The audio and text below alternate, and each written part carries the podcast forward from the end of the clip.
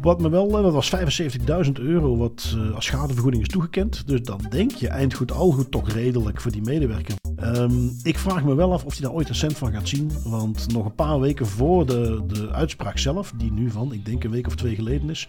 Een paar weken daarvoor al had het bedrijf zich gederegistreerd in Nederland. Hallo en welkom bij Das Privé, jouw wekelijkse privacy podcast. Iedere aflevering praat je bij over het reilen en zeilen in de wereld van privacy. Digitale spionage, boetes, datalekken, nieuwe technologie, privacy tools, oftewel alles dat er in een week gebeurt in privacyland. Ik ben Bart van Buitenen en deze keer weer niet met Tim van Haren. Die schijnt kennelijk ook een leven buiten das privé te hebben. Ik, ik, weet niet zeker hoe dat kan. Maar goed, dan hebben wij gewoon voor het eerst Christophe Balduc, CTO van Data Trust Associates, in de podcast. Samen hebben wij het nieuws van deze week gecureerd en eruit gehaald wat er echt toe doet. Ja, en wat doet er dan toe deze week?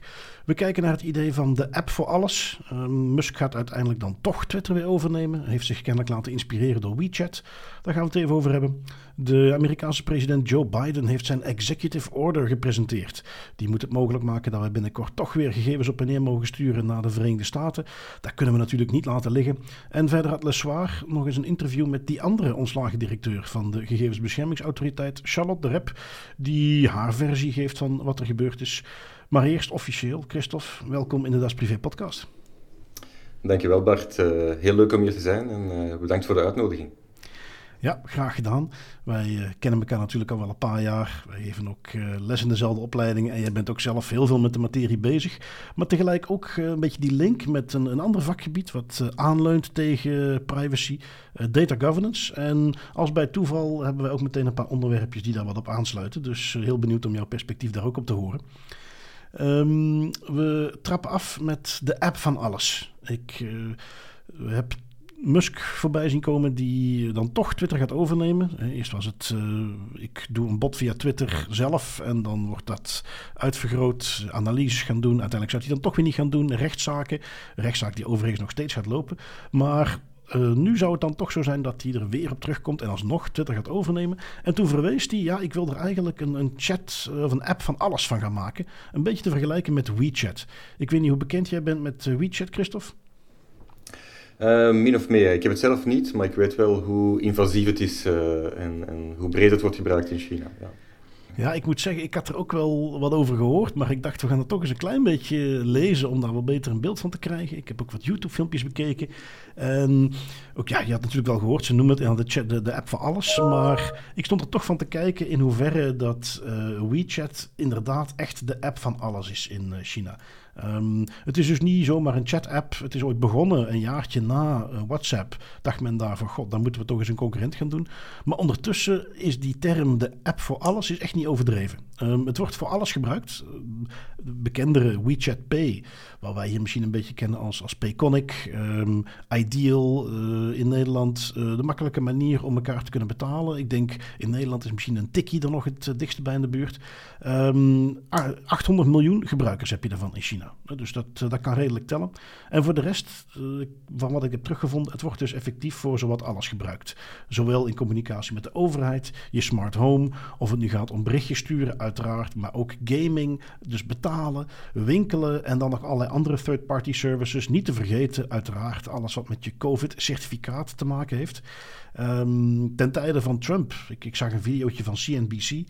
Trump die heeft uh, destijds was dan een, ban voor WeChat, dat dan in ieder geval in Amerika niet meer gebruikt mag worden. Uh, toen hebben ze een kleine poll gedaan uh, binnen China en daar werd dan gevraagd van ja, wat heb je dan liever, iPhone, Amerikaans product, of WeChat? Letterlijk die vergelijking, dus niet alleen gewoon een, een Android telefoon dan of zo, nee, gewoon de app op zich maakt dan verder niet uit waar, versus de iPhone. 94% gaf aan, dan heb ik liever WeChat in China. Uh, ze vergeleken dat ook wel uh, iemand kennelijk met uh, water en elektriciteit. zo noodzakelijk is het. wat denk je daarvan, Christophe? Is dat iets waar wij hier ook maar moeten hebben, zo'n app? Liever niet natuurlijk, want je hebt nog wel een, een vrije keuze nodig. en het gaat over heel veel zaken natuurlijk. Het bepaalt echt je leven. je kan ook niet anders meer dan die, dan die WeChat gebruiken. Hè. Om te betalen heb ik gelezen dat dat toch moeilijk is zonder die WeChat op heel veel plaatsen. Dus nee, ook het feit dat natuurlijk de, de overheid daar heel erg tussen zit, ehm, maakt me toch wel heel wat zorgen. Ja. Ja, het, is officieel van Tencent. Hè, dat, dat het bedrijf wat in China sowieso al uh, alles doet. Maar inderdaad, als jij een, een, een, bedrijfje wilt opstarten vanaf ja, zelfstandige, klein, dan is er kennelijk geen weg om WeChat heen. Dan moet je het daar doen. Als mensen bij jou in de winkel komen om te betalen, of het nu gaat om een koffie kopen of online iets kopen, alles is WeChat. Ik, ik vind het tegelijk misschien bijna moeilijk om het je voor te stellen. Want we kennen dat hier op die manier niet. Ehm, maar goed, dat is dan wel de ambitie van uh, Musk kennelijk, om dat dan met Twitter te gaan doen. En ja, um, Musk kennende, uh, ik, ik, moet toch toegeven, uh, alle data bij Musk hebben zitten. Ik weet niet of ik dat echt wel zou willen. Ik, ik zat me te bedenken, wat er bij mij eigenlijk nog het dichtste bij in de buurt komt. Dat is wat ik nog met Apple heb. Um, waar toch uiteindelijk ja, goh, ik heb daar veel bestanden zitten. Ik heb daar een paar abonnementen voor allerlei diensten. Uh, je koopt daar ook wat apparatuur van. En, en, maar goed, dat is nog eigenlijk maar een fractie van wat uh, WeChat allemaal inhoudt. En dan ben ik met uh, Apple al bezig om dat wat af te gaan bouwen. Om daar heel specifiek eens op zoek te gaan naar alternatieven die niet helemaal in het Apple-muurtje zitten. Dus um, ja, als, als zo'n app er zou komen. Ik weet niet, misschien dat dat in Amerika nog meer een hit zou zijn. Ik, ik, ik vraag me af of het wettelijk kader hier in Europa dat überhaupt wel mogelijk zou maken om zo'n app te maken. Ja, inderdaad. Ik denk dat in Amerika misschien wel een, uh, een groot publiek is om, om zoiets te gaan opnemen. In Europa denk ik dat toch dat mensen meer gewoon zijn aan die vrijheid, aan die mogelijkheid om, om toch zelf te beslissen waar ze wat voor gaan gebruiken. Maar ook de, de overheid en de, ja, de bedrijven gaan volgens mij toch eerder uh, op meerdere apps gaan inzetten dan, dan alles op één app. Uh. Ja, ik, denk ook dat we hier ondertussen al met een te, verspreid landschap zitten om dat ooit nog op die manier te kunnen gaan doen. Uh, WeChat had wat dat betreft natuurlijk de wind ook mee dat tegelijk met de introductie van WhatsApp, smartphones en, en, en 3, 4G in China een beetje aan het ontplooien was toen en ze meteen die markt over konden nemen. Dat hebben we hier natuurlijk niet. Nu goed, uh, lijkt me een heel interessante om eens op te volgen. Want nu Musk Twitter dan toch weer gaat overnemen. Maar goed, hou bij die vent altijd de slag om de arm. Je weet niet wat er uiteindelijk uitkomt. Uh, eens zien uh, wat hij daarmee gaat doen. Um, wat meer down to earth. als in iets waar we als privacy professional wat meer tegenaan lopen. En nou ja, goed, wat dan natuurlijk als je zo'n app van alles zou willen gaan maken van Twitter, wel een hele belangrijke wordt. de executive order van Joe Biden is gepubliceerd.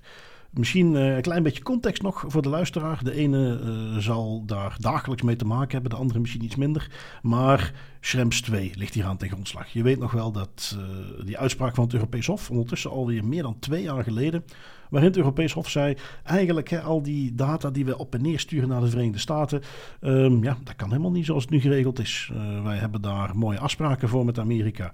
Dat heet Privacy Shield. En als Amerikaanse bedrijven zich daaraan hielden, mochten ze allerlei data ontvangen. Maar het Europees Hof stelde vast dat die afspraken rond dat Privacy Shield eigenlijk nooit nageleefd konden worden, omdat er wetgeving is in Amerika die dat nagenoeg onmogelijk maakt. Nou, dat eh, is dan meer dan twee jaar geleden. Ondertussen is men vanuit Europa gaan zoeken naar oplossingen.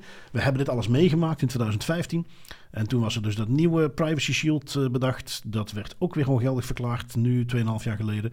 En we gaan dus weer op weg naar een nieuwe. Eén belangrijk onderdeel daarvan was dat er een, een, iets formeels in Amerika veranderde. En men wil dat dus gaan invullen met die executive order. Iets wat een president, iedere president kan doen, wat een president uh, tekent en wat bepaalde wijzigingen teweeg brengt. Wat is jouw visie daarop, uh, op die executive order, Christophe?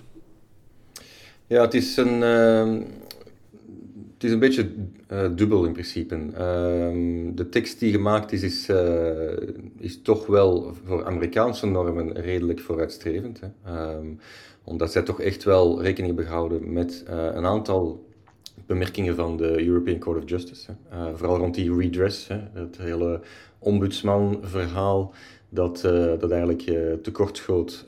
en waar nu toch ehm, een onafhankelijk aantal mensen zal worden uh, laten we aangeduid om dan uh, eigenlijk vergaande bevoegdheden te krijgen om uh, zaken, onderzoeken te gaan doen. Dus dat is, dat is goed. Um, ze hebben ook het, de principes van noodzakelijkheid en proportionaliteit opgenomen in de tekst, hè, wat voorheen eigenlijk niet iets is dat in Amerikaanse wetgeving werd gebruikt, of toch niet wordt gebruikt op de manier waarop Europa dat gebruikt eigenlijk. Dus dat, dat zijn goede punten en dat is zeker goede progress. Um, waar, waar het schoentje volgens mij nog een beetje knelt, is, is ja, wat is dat dan, proportionaliteit en noodzakelijkheid binnen de context van, van Amerikaanse wetgevingen? Gaan ze die toch nog altijd interpreteren alsof ja, maar bulk, bulk surveillance uh, past daar wel onder. Dat vinden wij wel proportioneel.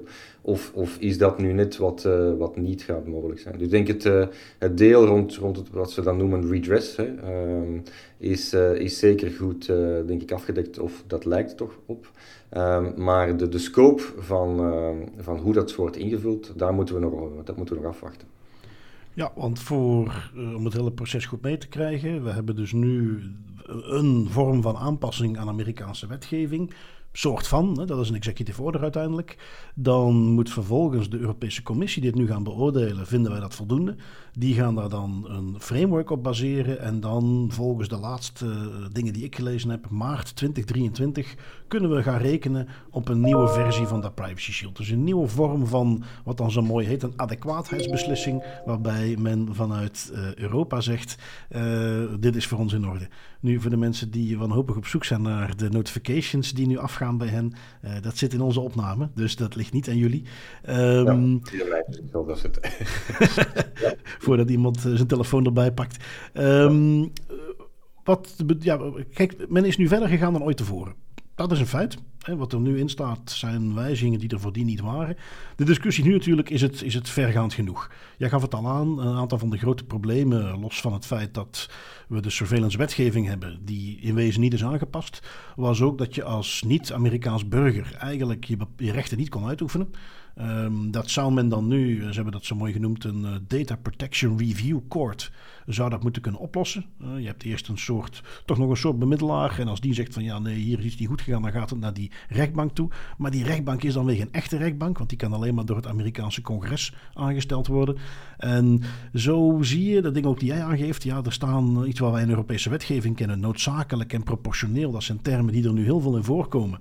Maar gaan ze dezelfde invulling geven aan die termen zoals wij het hier kennen?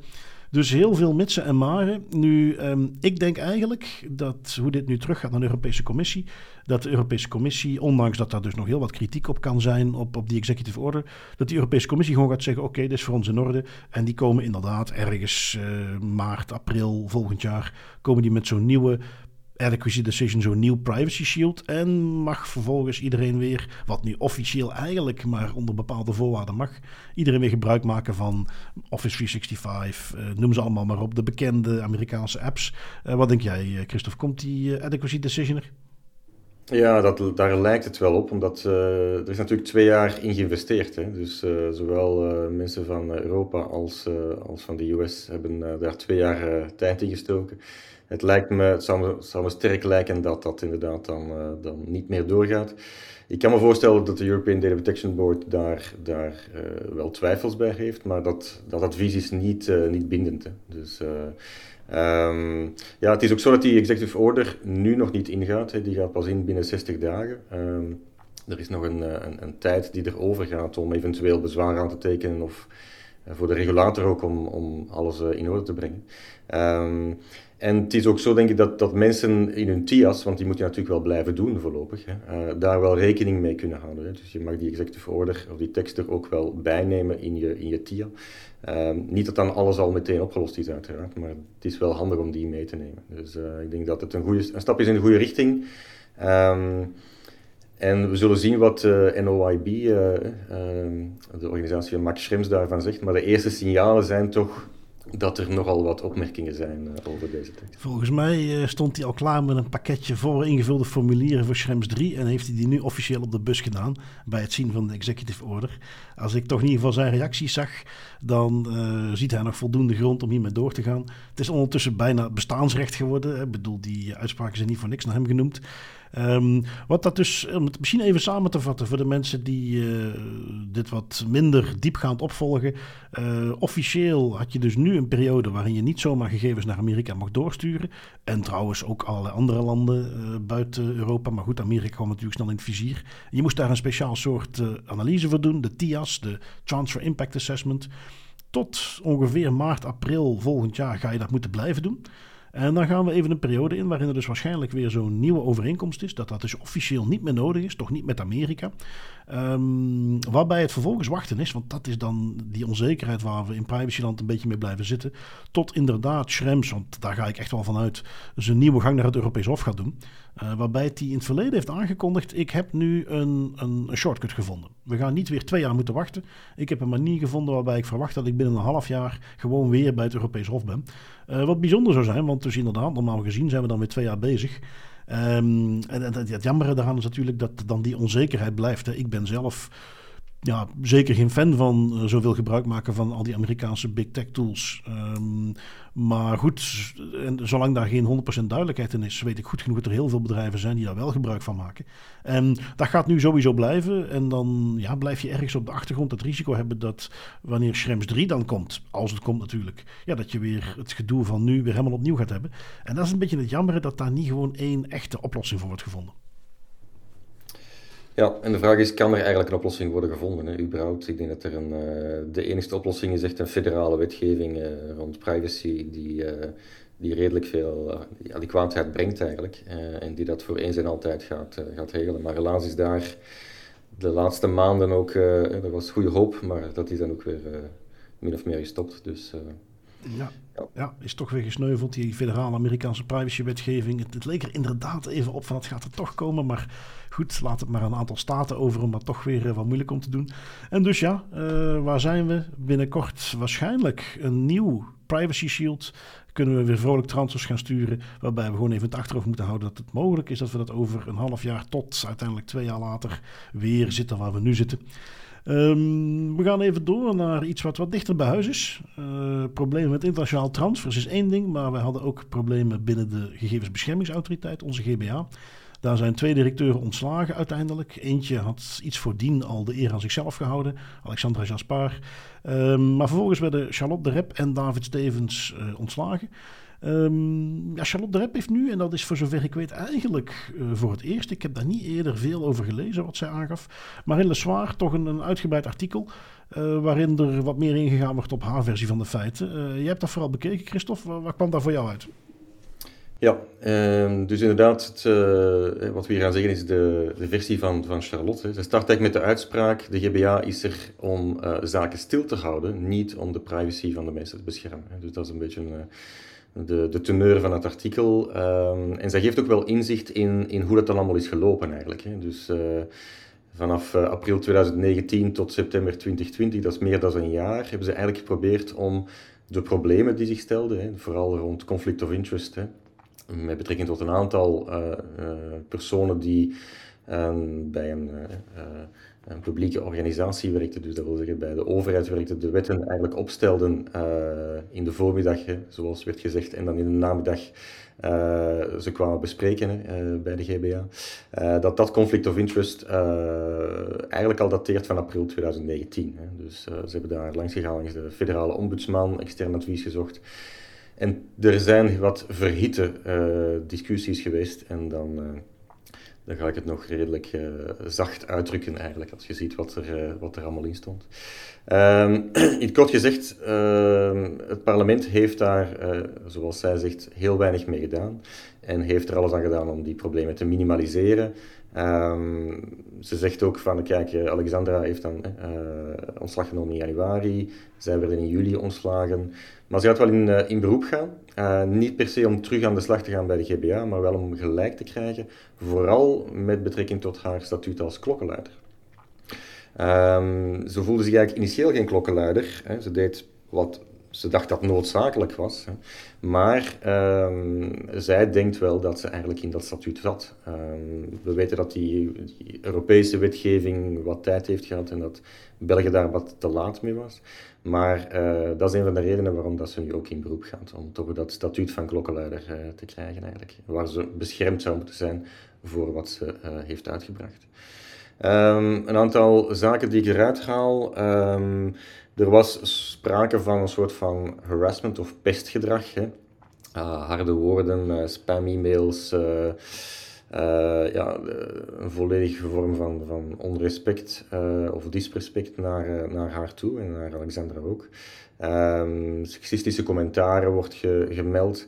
Uh, nu wat daarin opmerkelijk is, is dat zij dat had aangekaart eigenlijk. En de preventieadviseur naar haar kwam en zei, ja, we kunnen die klacht niet opnemen, want um, ik mag die niet opnemen. En dat zou dan gekomen zijn vanuit Eliane Tilleux, de voorzitter van de Kamer, die zei dat de preventieadviseur in dit geval niet competent was.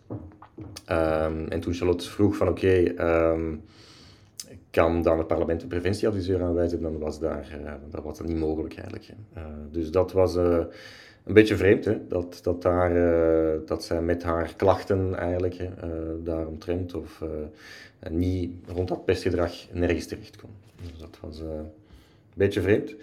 Um, Intern werd er gezegd, uh, als reactie van het parlement, uh, ja, het is, het is wel waar, uh, maar je moet er eigenlijk niet te veel aan geven. Vooral pragmatisch denken, uh, ook tijdens de COVID, probeer redelijk te handelen en het vertrouwen van de bevolking toch niet in het gedrang te brengen. Um, en ondanks, ondanks, dat feit werden er zeer impactvolle beslissingen gemaakt. Hè. en zij spreekt over vergaande tracking. Uh, waarover een aantal van die experten moesten gaan, uh, gaan beslissen. Dus dat was eigenlijk uh, iets wat, wat zeker niet, niet oké okay was volgens haar. Um, nog een, een, een, opmerkelijke uitspraak is dat zij, ik had er nog nooit van gehoord, maar de Taliban van privacy werden genoemd. Um, ik weet niet of jij dat op gehoord, Bart? Ik, was. Ik heb die termen nog nooit voorbij horen komen, de Taliban van privacy. Wat, wat ik wel weet is dat er uh, intern binnen de GBA altijd een beetje een, een, een tweedeling was. Um, ja, tussen toch uh, van wat ik had begrepen, voornamelijk echt wel die Franstalige en Nederlandstalige. Waarbij men vanuit Franstalige hoek ja, heel erg huiverig was voor iedere vorm van extra inmoeiing door de overheid. Bijvoorbeeld in de context van COVID, uh, waar ik weet dat men vanuit Nederlandstalige hoek uh, voornamelijk meer zoiets had van ja, we, gaan toch iets moeten doen. We, gaan er op een bepaalde manier wel uh, pragmatisch mee om moeten gaan. Want er moet iets gebeuren. We kunnen dit niet gewoon gaan tegenhouden op basis van onze bezwaren. We moeten meedenken. En dat dat iets was waar we vanuit Waalse hoek redelijk principieel in zat. En dan kan ik me voorstellen dat dat misschien gepercipieerd werd als principieel, misschien wat fundamentalistisch. En ja, dan, dan denk ik dat de link met de Taliban eh, van privacy, dat dat daar dan vandaan komt. Ja, ja, het bleek uit de Nederlandstalige media te komen voornamelijk. Dus uh, ik heb het nog niet gelezen, maar kijk, ja. Nu, ik heb dan ook eens nagedacht van, kijk, uh, waar komt dat vandaan? Hè? Inderdaad, hè? zoals jij zegt, ja... het is soms nogal strikt, maar zij passen eigenlijk gewoon de, de regelgeving toe. Hè. Um, nu uh, heb ik die linkjes gelegd met, uh, met klanten van ons. Niet dat onze klanten zeggen dat, dat we van de Taliban zijn. maar, maar er is altijd een eerste reactie Zeker bij bedrijven die heel wat met, uh, met uh, digitale uh, services gaan doen. van ja, we gaan toch nog alles mogen doen. Hè? jullie gaan ons toch niet komen vertellen dat we niks niet meer mogen doen. Hè? En, en als ik dat even bekijk binnen de GBA, dan, dan zie ik dat. Ehm, dat er vaak heel erg uh, juridische oplossingen worden aangeboden. Hè. Um, en dat die uitspraken er zijn hè, van wat mag wel, wat mag niet. Maar uh, dat er eigenlijk drie grote zaken uh, toch wat onderbelicht zijn, um, voor mij in ieder geval. En dat gaat rond cybersecurity, data management en IT. Ehm, je hebt wel een aantal adviezen daaromtrent, maar ik denk dat dat soort zaken nog te weinig aan bod komen binnen autoriteiten in het algemeen, niet per se binnen de GBA. Um, en uh, als we David uh, vorige week mochten, mochten beluisteren, ook in, in Briefcom, uh, was daar inderdaad ook heel weinig eh, mankracht voor, voor die technische aspecten. Mm. Um, ik denk ook dat eigenlijk als we naast de adviezen ook een aantal use cases zouden kunnen tonen uh, van hoe technische oplossingen zijn geïmplementeerd. Hè. Niet alleen van te zeggen van kijk, dit mag eigenlijk niet. Hè. Je moet gaan encrypteren, hashen, pseudonymiseren. Maar ook het wat verder nog nemen en eigenlijk gaan zeggen van kijk, uh, kunnen we hier uh, voorbeelden geven van technische oplossingen rond IT, rond cybersecurity, rond data management. Dat dat misschien um, wat duidelijker wordt voor het grote publiek ehm, en voor de mensen die het moeten implementeren. En dat daar wel, volgens mij wel wat goodwill wordt gecreëerd.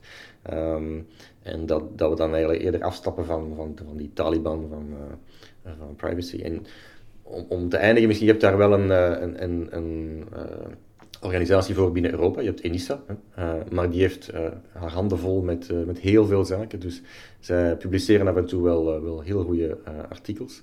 Maar dat is volgens mij nog onvoldoende voor de, de, de, grote hoeveelheid vragen die er zijn, die vandaag moeten aangepakt worden. Ja, daar zie je ook dat dat, en dat is inderdaad wat je soms wel eens mist, ook in contacten met de GBA, die link met, oké, we hebben nu de juridische variant, werkelijkheid, en nu moeten we het ook zo gaan toepassen. En dat zit dan vaak in een vertaling van die juridische bepalingen naar IT-toepassingen, naar omgaan met data in een data governance context, naar het beveiligen van gegevens. En dan is ook mijn ervaring dat daar de, de nodige expertise ook ja, beperkt voorhanden is. Uh, dus dat komt dan weer terug op waar het heel vaak op terugkomt, ook de middelen die de GBA heeft. Als je dan ziet dat de Nederlandse AP er de komende jaren 2 miljoen per jaar bij gaat krijgen. En je ziet dat de GBA eigenlijk een bijna gelijklopend budget heeft. Terwijl ze wel steeds meer moet doen, steeds meer moet opvolgen. Ja, dan weet je dat daar ergens eh, dingen gemist gaan worden. En, en het wat meer kijken naar de technische kant van de zaken. Uh, ook daar concreet meer in adviseren. want dat is iets wat de GBA veel minder kan doen dan ze zouden willen. Kom, komen met concrete adviezen hoe je dingen moet aanpakken. Ja, dat is iets wat er dan meteen blijft liggen. Hè?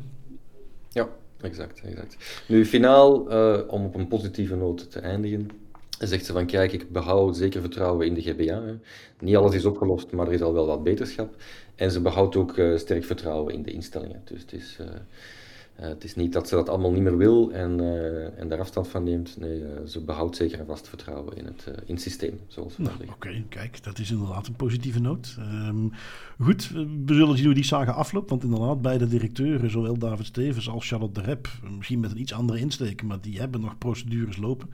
Um, lijkt me wat dat betreft, als je nu huidig directeur bent bij de GBA, ook ergens toch interessant, want dat blijft dan wat hangen. Wat gebeurt daarmee? Ik, geloof nooit overigens dat, dat ontslag op zo'n manier vernietigd wordt, dat die dan weer terug mogen in hun, uh, op hun positie.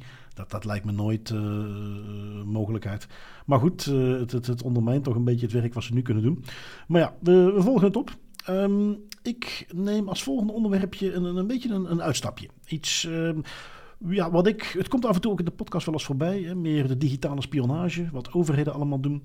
En zo kwam er een berichtje voorbij op uh, security.nl dat de Duitse overheid nu iPhones heeft goedgekeurd voor het verwerken van geclassificeerde informatie. Uh, Apple heeft daar Iets wat niet altijd gebeurt, maar ik denk dat ze hier een interessante business case zagen waarschijnlijk. Heeft meegewerkt met de Duitse instantie die het onderzoek moet gaan doen. Die hebben dus informatie gekregen over de hardware, de software. En die hebben bepaalde goedkeuring nu gekregen dat dat binnen de overheid gebruikt mag worden. Nu, om het een beetje mee te geven, als ze dan zeggen, ja, we hebben goedkeuring voor geclassificeerde informatie. Um, je hebt klassiek, in, in inlichtingenland heb je vier soorten gegevens. Uh, in, in de grote verzamelingen, die dan een beetje ook vanuit uit Amerika uh, komen, maar waar eigenlijk de meeste uh, inlichtingendiensten ook in Europa zich een beetje aan houden. Je hebt top secret, je hebt secret, confidential en dan restricted. En eigenlijk alleen voor die laatste categorie, restricted, heeft men nu goedkeuring gekregen om ook de iPhone te gebruiken. Maar goed, dat is kennelijk toch al een dingetje. Um, want uh, voordien was dat er helemaal niet. En, en moest je dus alleen maar op goedgekeurde apparatuur, die uh, vaak minder uh, functionaliteit had, mocht men dat gebruiken. En nu kun je gewoon out of the box, je kunt je, je iPhone, in Duitsland in ieder geval, als overheidsambtenaar nu gebruiken. Ik vond het wel interessant om eens te kijken. We hebben dan in België, ik heb op de site van de Staatsveiligheid gezien, dat we daar heb je diezelfde categorieën. Zeer geheim, geheim, uh, vertrouwelijk. En dan daaronder iets waarvan ze zelf op de website zeggen van ja, eigenlijk is dat volgens ons geen echte klassificatie. Dat heet dan beperkte verspreiding. Maar iets wat dus ook wel op die manier wordt toegepast in Nederland. Diezelfde komen terug. Um, dus ja, goed, nu mag men dus eindelijk voor die, die laagste categorie aan vertrouwelijke gegevens... mag je dan met een iPhone werken. de mailapplicatie zat er kennelijk ook bij. Um, ja, dan vroeg ik me af van wat uh, heb je dan verder nog? hoe moet je dan met die andere gegevens omgaan? En toen liep ik tegen iets aan wat uh, de Nederlandse inlichtingendienst redelijk open over publiceert. Die hebben daar een, een aparte instelling voor zelfs, het Nationaal Bureau voor Verbindingsbeveiliging. En wat blijkt, iets wat ik niet wist, maar ik zag dat voorbij komen via een Twitter-account van iemand die die inlichtingencontext heel uh, veel opvolgt. Uh, dat zal eigenlijk om daar een beetje op vooruit te lopen, een van mijn privacy pointers deze week, die uh, Twitter-account van Electrospaces. Die heeft daar ook heel veel interessante artikelen over. Dus als dat iets is wat je leuk vindt, dan is dat een interessante. En een van de dingen die het Nationaal Bureau voor Verbindingsbeveiliging precies doet, is ook samen met andere diensten echt een soort goedgekeurde lijst van ontvangers bijhouden. Lijst van bewindslieden mensen in de overheid, die met elkaar moeten kunnen communiceren. Want wat blijkt, daar hebben ze toch echt nog wel iets anders voor. Ehm, de, de, de, aanleiding waarom dit voorbij kwam was eh, de saga van Mark Rutte, de premier in Nederland, die bepaalde sms'jes niet had gearchiveerd. Nou, en in het verloop daarvan komen er allerlei dingen naar buiten over bijvoorbeeld welke toestellen die gebruikt. En dan blijkt dat hij um, dus ook een, een iPhone heeft uh, ondertussen. Had uh, vroeger een heel oud Nokia'tje, uh, waar nog heel oude sms'jes op stonden. Waar het eerste excuus destijds was van ja, het geheugen van mijn telefoon kan nu eenmaal niet meer sms'jes aan. Nou, dat werd niet lang volgehouden. Um, maar die blijkt dus nog een, een speciaal ander soort telefoon te hebben. Een zogenaamde Sectra-telefoon. Had ik nog nooit van gehoord ben het bedrijfjes gaan opzoeken. Um, ja, op zich wel uh, ja, wat je mag verwachten. Dat zijn gewoon telefoons, maar die echt uh, volgens bepaalde voorwaarden zijn gebouwd. En die dus wel die formele goedkeuring hebben die onze gewone stervelingen telefoons, iPhones en Android niet hebben. Uh, om die andere categorieën aan gegevens dus ook te mogen verwerken. Um, dat betekent dus dat daar een heel onderzoek is gebeurd naar de hardware, de software. En dat dat dan dus ook een hele restrictieve lijst is die je dan kunt gebruiken. Die worden van tevoren daarop ingelezen, worden ook bijgehouden en gedeeld tussen inlichtingendiensten. En zo kunnen bewindslieden, premiers, noem maar op, kunnen op die manier met elkaar communiceren, telefoneren. Uh, zonder daarvoor uh, op het gewone netwerk te zitten of een speciaal risico te lopen. Ik, ik vond het heel interessant om eens voorbij te zien komen hoe men daar dus op dat niveau met gegevens omgaat. Ook met die klassificatie. En dat deed me een beetje denken, Christophe, want jij zit natuurlijk wel meer in de data governance. Daar is het, het klassificeren van informatie is daar ook een onderdeeltje van. Is dat iets waar jij nu bewonderend naar kijkt, waar je warm van wordt als je ziet hoe ze dat op inlichtingenland doen? Ja, zeker vast. Uh, wij proberen uh, al heel lang eigenlijk uh, klassificatie te gaan combineren. Dus zowel security klassificatie als de ja, dat, dat, klinkt altijd heel erg moeilijk hè? En, en, dat lijkt altijd een hele berg om over te gaan, maar er zijn wel methodes voor. Dus het is leuk dat ze dat hier ook, hier ook toepassen. Um, en, en wij proberen er altijd voor te zeggen van kijk, je hebt de security, klassificatie op, op het gebied van een, een drager. Hè? Uh, maar daarbinnen is het altijd goed om nog eens een, een gegevensbeschermingsclassificatie toe te passen. Um, dus ja, ik ben benieuwd of ze dat ook hebben gedaan dan, op die, die documenten hè, die op die Sectra-telefoons zitten. Dus het zou heel interessant zijn om eens, om eens na te gaan. Ja, heel uh, speciale hardware ook. Uiteraard zijn die telefoons ook niet goedkoop. Dus uh, toch, toch interessant. En ja, goed, tegelijkertijd is dat wel... Uh, ik heb het linkje naar de website van Sectra ook gewoon meegenomen. Die hebben dan hun pagina Mobile Communication Up to Top Secret. Dus kennelijk daar echt voor bedoeld. Voor degenen die dat interessant vinden, altijd leuk om eens naar te kijken.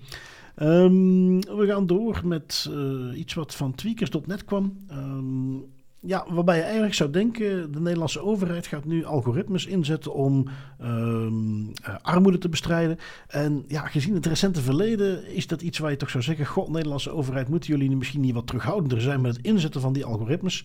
Uh, maar goed, ze gaan dat nu toch inzetten om armoede te bestrijden. Jij had hem uh, meegenomen, Christophe. Hoe, hoe wil men dat gaan aanpakken?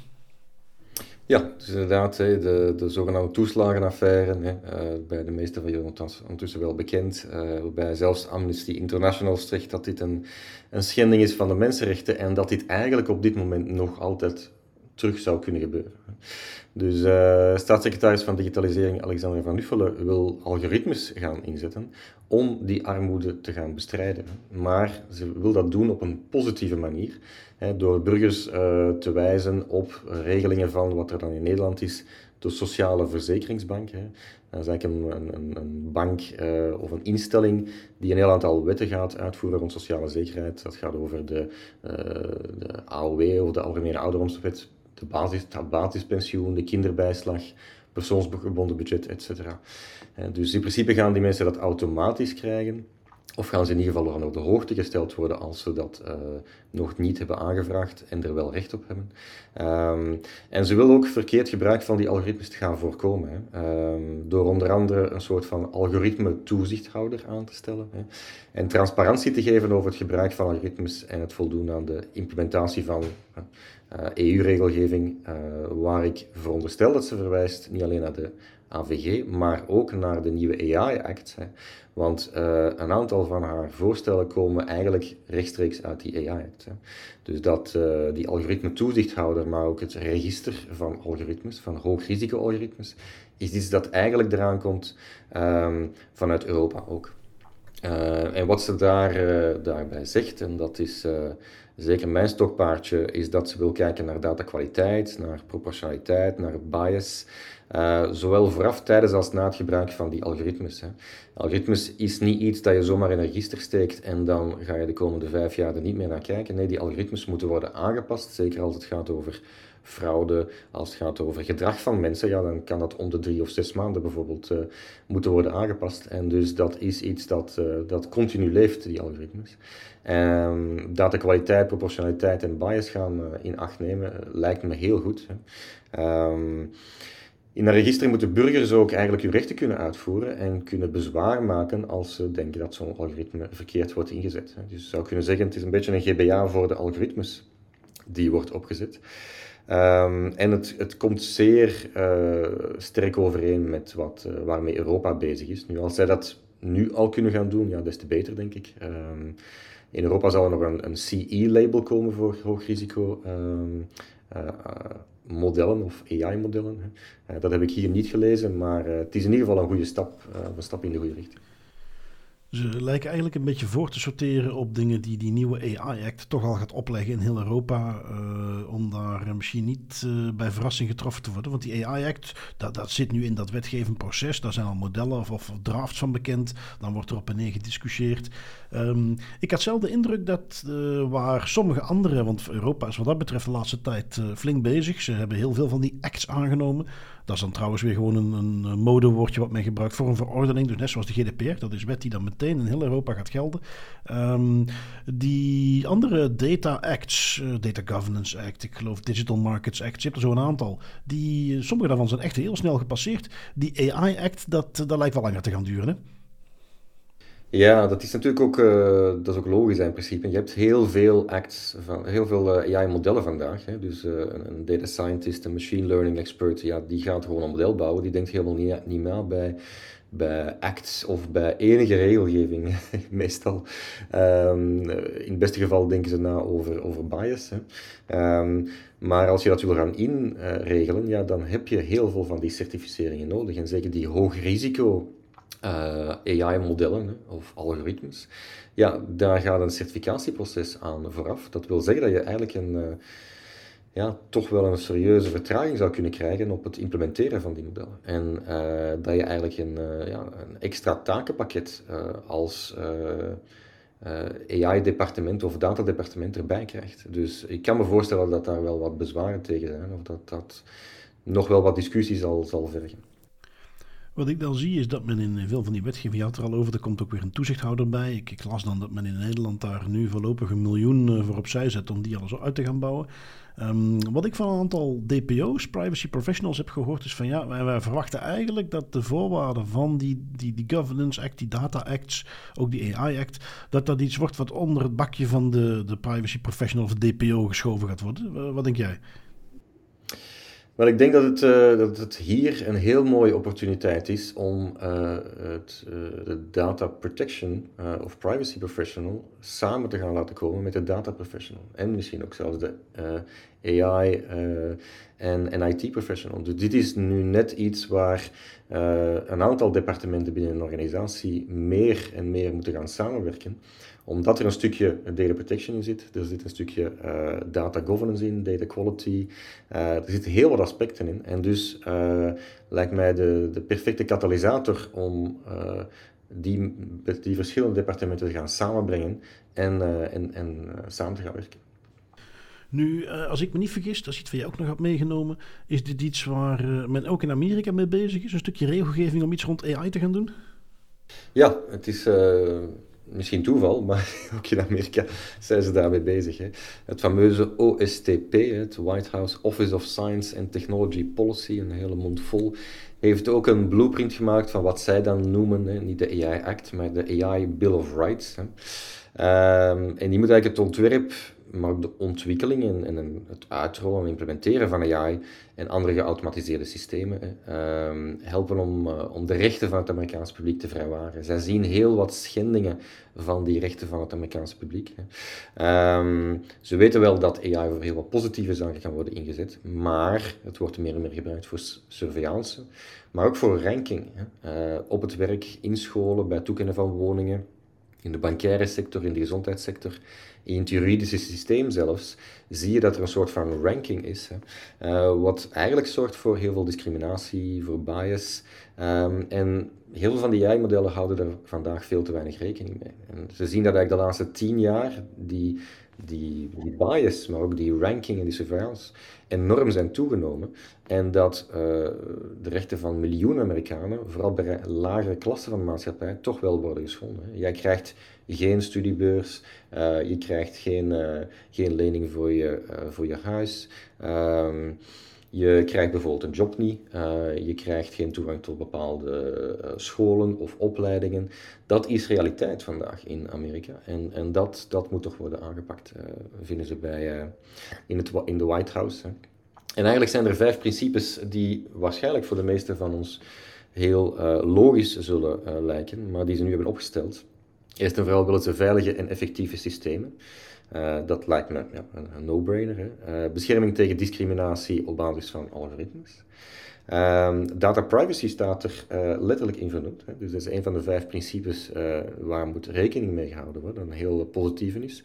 Ook transparantie uh, door middel van notificatie over hoe en, en wanneer en waar een AI-model wordt gebruikt. En dan heb je nog een opt-out of een manueel alternatief hè, um, om diezelfde, tot diezelfde conclusie te komen die het AI-model gaat, gaat komen. Dit klinkt heel erg GDPR-achtig. Ja, precies. ik, ik, als ik dat zo hoor, dan zou ik eigenlijk zeggen van... God, de meeste principes die daarin zitten... Ja, die hebben wij eigenlijk al vanuit de GDPR. Um, ehm, wat me daar wel aan doet denken... en ik, ik denk even terug aan een gesprek... wat ik uh, een paar maanden geleden had met uh, Vincent Brusset... die, die zijn licht liet schijnen over het Chinese social credit scoring systeem. Um, waarbij hij eigenlijk aangaf van ja, eh, dat, dat idee zoals het leeft in het Westen, zoals China dat doet, dat klopt eigenlijk niet. Hè. De, de surveillance maatschappij is daar echt een ding, absoluut. Maar, maar puur die, die social credit scoring, het toepassen van algoritmes waarbij je allerlei toegangen ontzegd kunt worden, omdat je toevallig ergens je rekening in een restaurant niet een keer hebt betaald, om het even gechargeerd te zeggen, dat bestaat hier helemaal niet. En hij gaf dus aan, en dat vond ik toen een heel interessante opmerking, uh, ik heb daar soms het gevoel dat men eerder uh, reflectie maakt van waar men hier bang voor is dat het gaat gebeuren. En dan kijkt men daarnaar in China en zegt men, daar doet men het. In Europa zie ik dat wat minder, maar als je kijkt wat je ook net opnoemt in Amerika, hoe wat daar de rol van algoritmes al is, in, in toch hele dagdagelijkse dingen waar je als consument particulier mee te maken hebt, dat is het soort dingen, het soort uitwassen die wij dus hier veel minder kennen, onder andere vanwege die GDPR, die men met deze wetgeving denk ik wilt gaan aanpakken. Ja, exact. In principe is het uh, een soort van, zoals wij kennen, data protection by design en by default, willen ze dat eigenlijk ook doen voor AI-modellen. Ja, ja, ja, ja, inderdaad, inderdaad.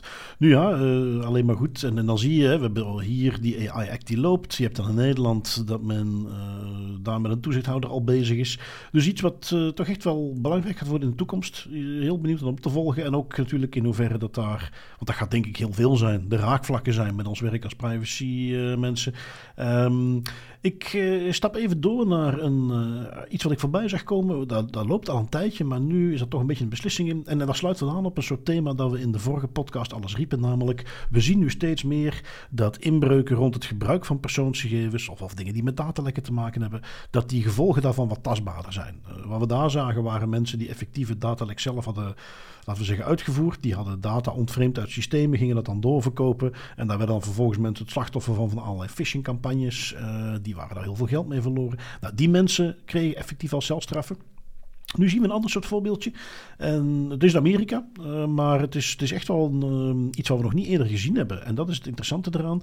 De, de CISO van Uber, of de ex-CISO van Uber, Joe Sullivan, die mag waarschijnlijk echt een paar jaartjes in de gevangenis gaan zitten. Ehm, wat nog interessant is om mee te geven, is dat dit dus niet gewoon is de CISO die, uh, van een bedrijf dat gehackt is en het is zijn schuld en zijn hoofd wordt op het hakblok gelegd en hij mag ervoor opdraaien. Hier speelde wel wat meer. Um, die persoon, Joe Sullivan, die had een veel actievere rol en uh, had ook bewust de, het management er wat buiten gelaten. Uh, als je nog herinnert, we hadden in 2014 al een datalek bij Uber. Daar liepen toen allerlei onderzoeken naar. Toen, in 2016, er nog eens een datalek gebeurde. En dat ging om gegevens van 57 miljoen gebruikers. Um, dat is onder de pet gehouden. Daar is met een, proberen we een trucje uit te halen door de hackers te zeggen, weet je wat, we hebben ook een soort bug bounty probleem. Wat bedoeld is dat hackers dingen kunnen melden zonder dat ze daar misbruik van maken. Dan krijgen ze daar geld voor. En daar heeft hij met die hackers afgesproken, meld je daar maar aan. En dan betalen wij jullie 100.000 dollar, zogenaamd, omdat jullie dit lek hebben gemeld. En dan tekenen jullie tegelijkertijd ook eventjes een non-disclosure agreement, een vertrouwelijkheidsverklaring, dat je hier nooit iets over mag zeggen. Uh, dat in plaats van, zoals echt wel de bedoeling was uh, voor hen, dat te laten weten aan de FTC, dat bekend te maken dat ze weer een datalek hadden. Um, hij liep toen dus al in gesprekken in dat onderzoek bij de FTC, waarin ook duidelijk, daar schijnt altijd ook bij te horen, als er nog binnenkort iets wijzigt wat relevant is in het onderzoek, dan moet je ons dat laten weten. Nou, en tien dagen na zijn gesprekken met de FTC haalde hij deze kunststukjes dus uit. Had hij duidelijk moeten laten weten, is niet gebeurd.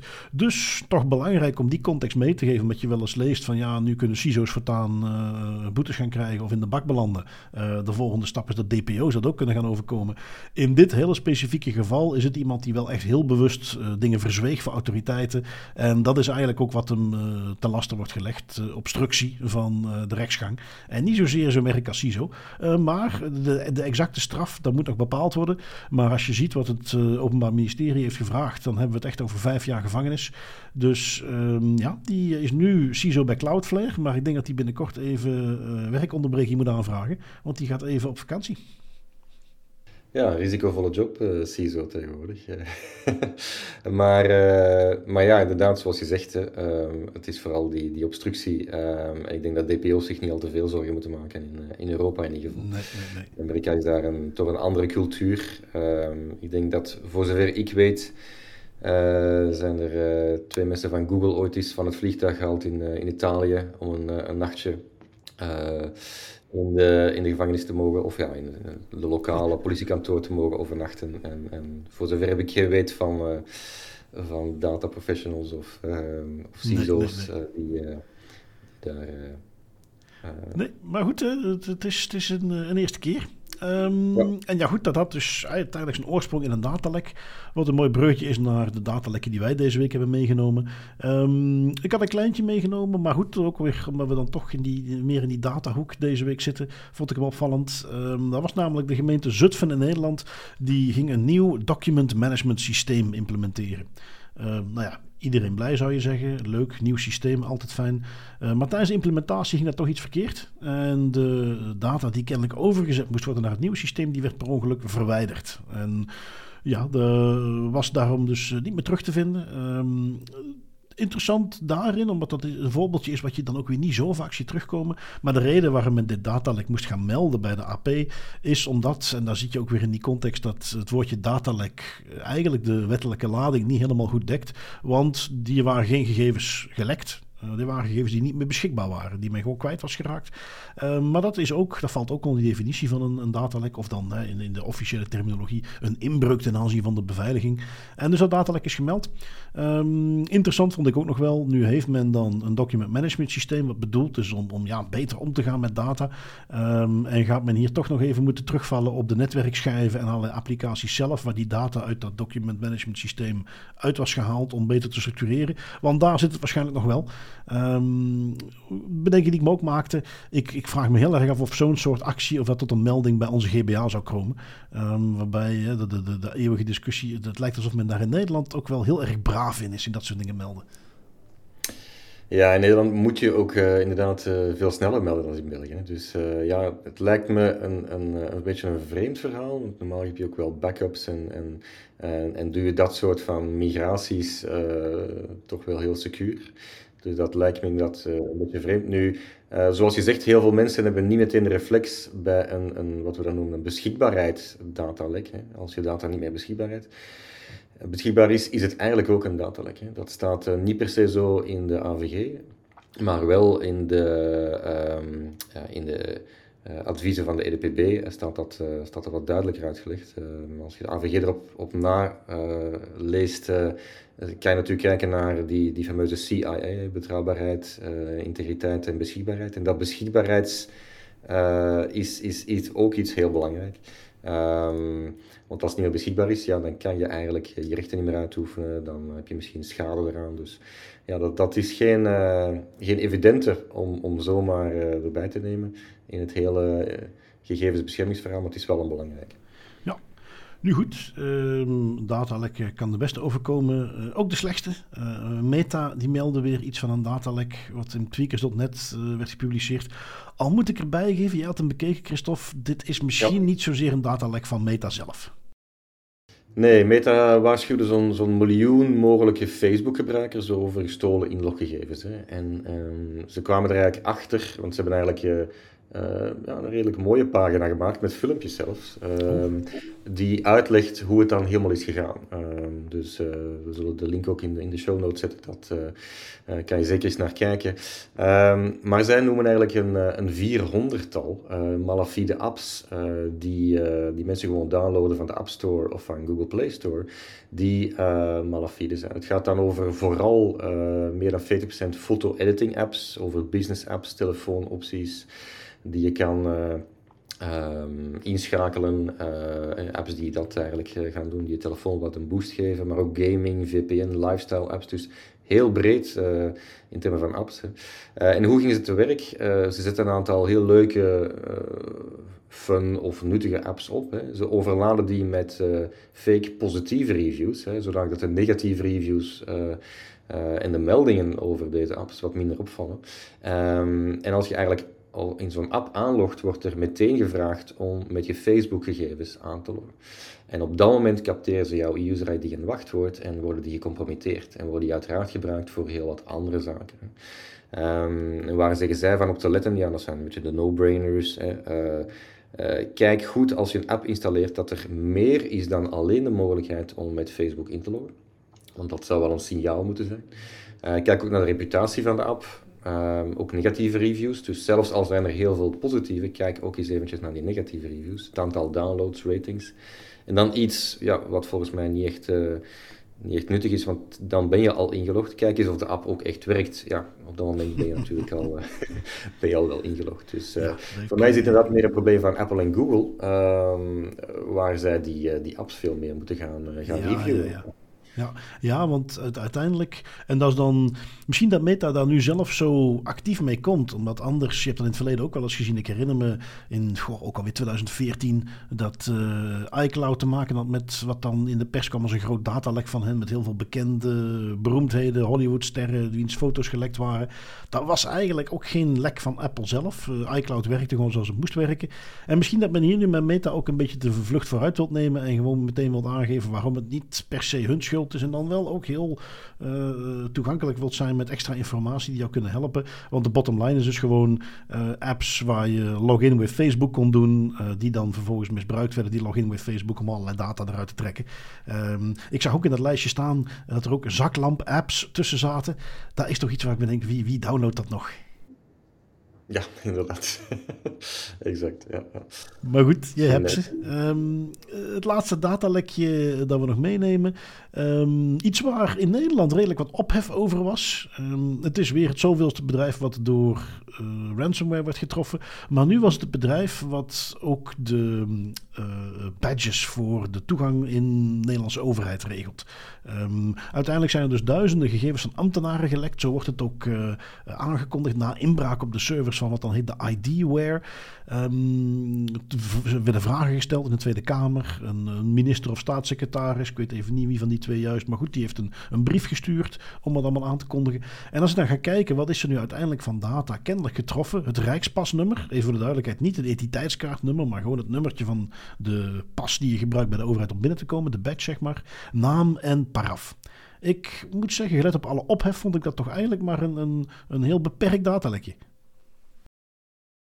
Ja, absoluut. Natuurlijk, uh, wat gebeurt er met die, met die Rijkspasnummer, dat weten we niet. Welke gegevens zijn er misschien aan gekoppeld, maar inderdaad, ja. Uh, we zouden daar meer informatie over moeten hebben, over het gebruik daarvan.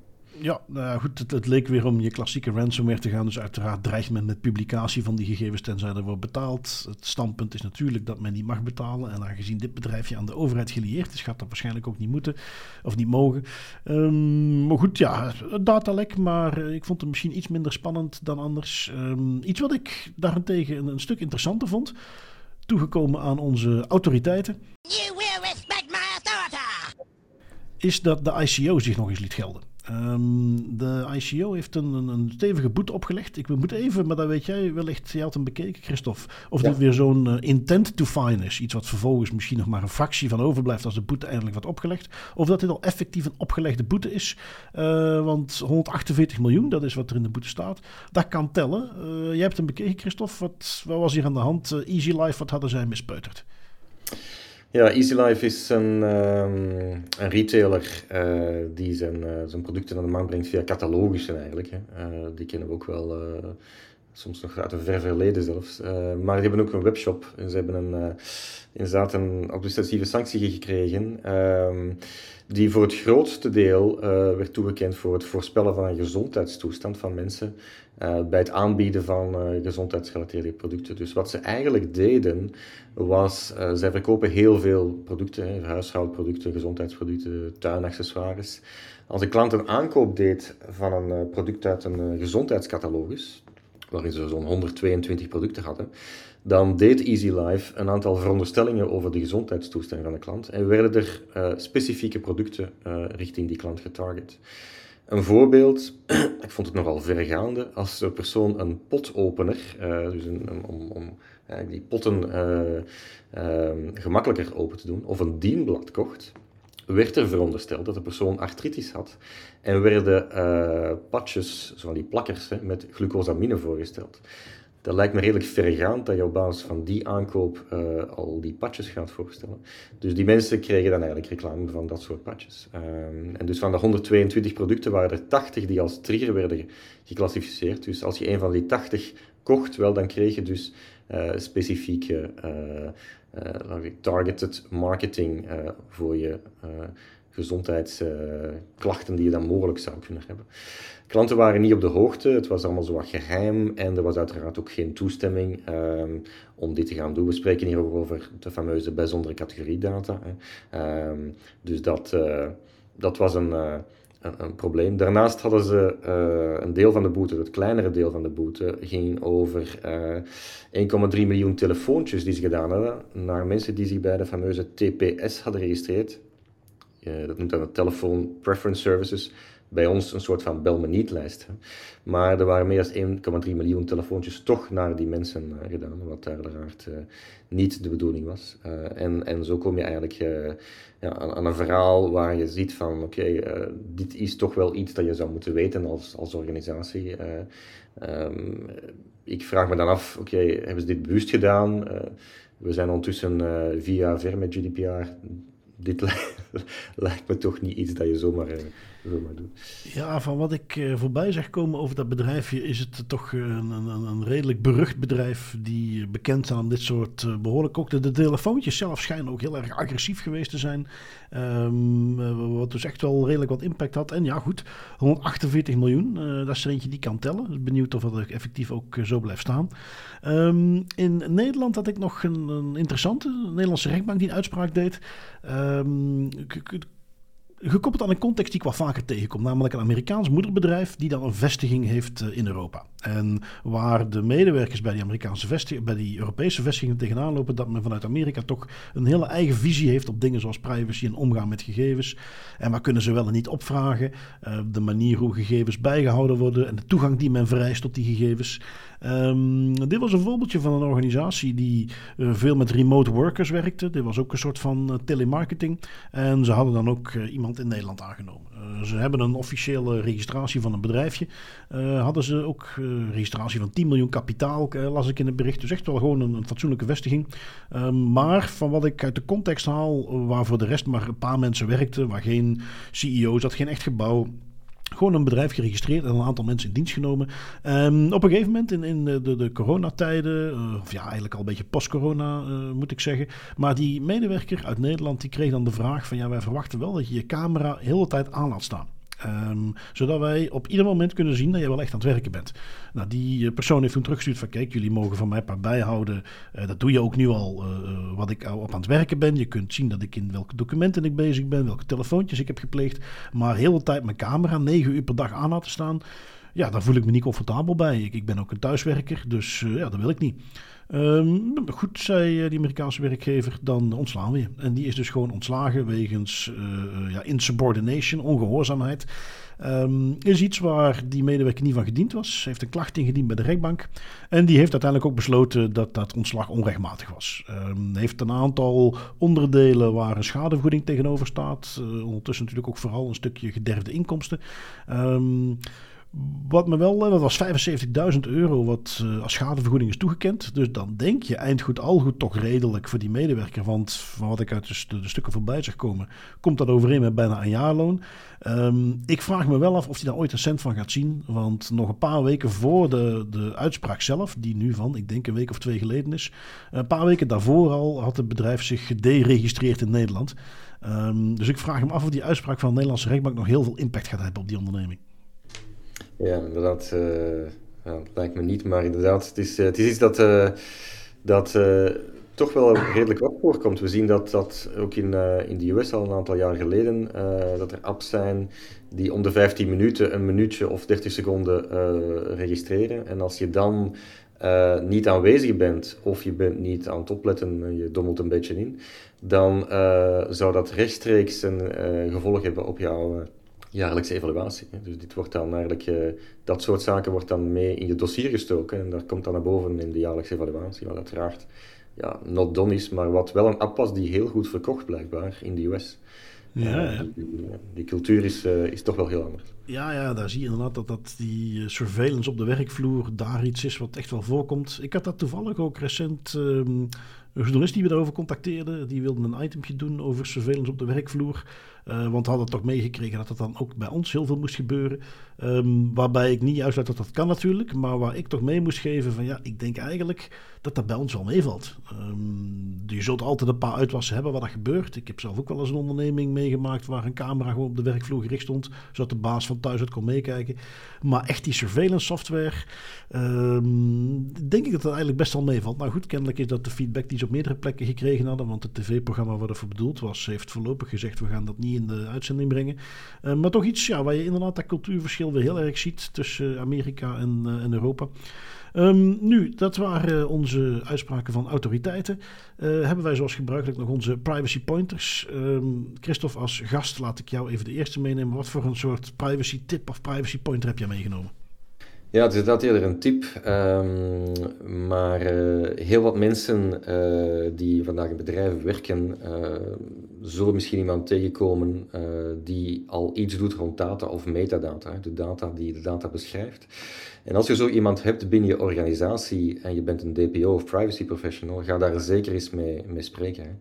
Um, heel wat uh, bedrijven beginnen te starten met wat we dan noemen data governance. En zelfs al, al wordt die term niet zo, zo benoemd, uh, dan, dan zie je toch heel veel bedrijven dat als hun data niet onder controle hebben, dat ze data toch niet op een duurzame manier kunnen gaan gebruiken. Dus um, data scientists bijvoorbeeld hebben daar heel veel last van, maar iedereen die iets met data wil doen, heeft last van het feit dat er kwaliteit niet goed is, dat niet goed opgevolgd is. Um, dat we eigenlijk over andere, andere zaken spreken als we over uh, bepaalde metrieken spreken.